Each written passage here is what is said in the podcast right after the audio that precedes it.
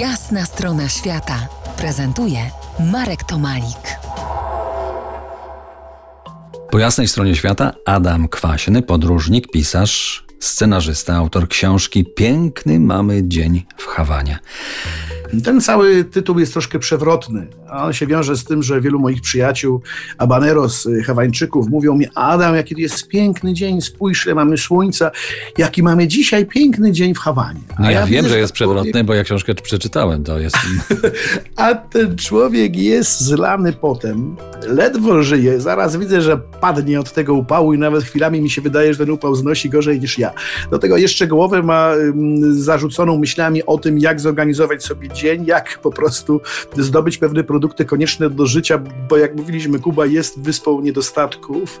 No właśnie, Natomiast- niedostatków. To od razu taki niedostatek, bo znalazłem to w twojej książce. Bohaterowie mm, twojej książki mają toaletę w kuchni. To sobie wymyśliłeś, czy to widziałeś gdzieś tam? Wiesz, co, to jest w ogóle sprawa ciekawa, dlatego że to jest powieść, która się dzieje właśnie w takim tak zwanym solarze, czyli takiej wielkiej starej kamienicy, a która jest, która jest jakby podzielona między wielu lokatorów.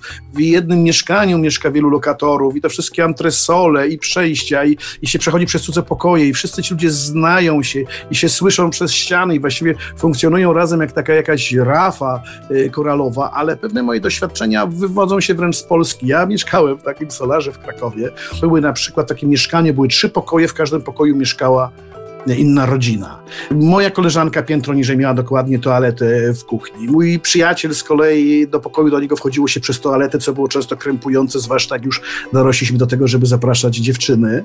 E, Więc jakichś wiele takich uniwersalnych troszkę sytuacji wyeksportowałem sobie do Hawany. No i znowu uprzedziłeś moje kolejne pytanie, bo uciekłeś mi z Hawany do Krakowa. E, O tym też będzie, ale teraz jeszcze, skoro na stołach kubańskich nie ma dobrej strawy, przynajmniej w takim solidnym zapasie, to może Kubańczycy, Hawańczycy cieszą się samą obecnością gości. Powiedz, y, lubią spotykać się w święta? No to Kubańczycy w ogóle są y, osobami, które muszą mieć kontakt, muszą mieć do kogo gadać, muszą y, mieć z kim rozmawiać i odwiedzanie się, spotykanie się jest szalenie ważne. Natomiast ja bym jeszcze tą taką pewną akceptację świata, pomimo tak trudnych warunków, w których żyją i trudnej historii, bym również wiązał z tymi religiami afrokubańskimi, dlatego że w tych religiach nie ma zmartwychwstania. W związku z tym to jest jedyny świat, który mamy do dyspozycji. Dla osób wierzących jest oczywiście on darem Boga, a i musimy umieć tutaj żyć. Musimy tutaj umieć zorganizować sobie życie jak najlepsze, mimo tych trudnych warunków, ponieważ po śmierci jest wędrówka duchów i już nie odzyskamy nic, ani ciała, ani żadnych takich rzeczy, które mamy tu na Ziemi, a to ciało jest bardzo na Kubie akceptowane, jest duża akceptowalność własnej seksualności, własnej cielesności. Ciało nie jest brudne, nie jest potępione, jest po prostu piękne, jakkolwiek by wyglądało. No pięknie wszedłeś do tej swojej y, powieści najnowszej, piękny Mamy dzień w Hawanie, tak nazywa się ta książka. Jest to powieść, która opisuje to, co tam się teraz dzieje, to, co może się tam dziać w domach swojej powieści. Wprowadzasz nas do świata bardzo intymnego, do życia tu i teraz. Tu i teraz.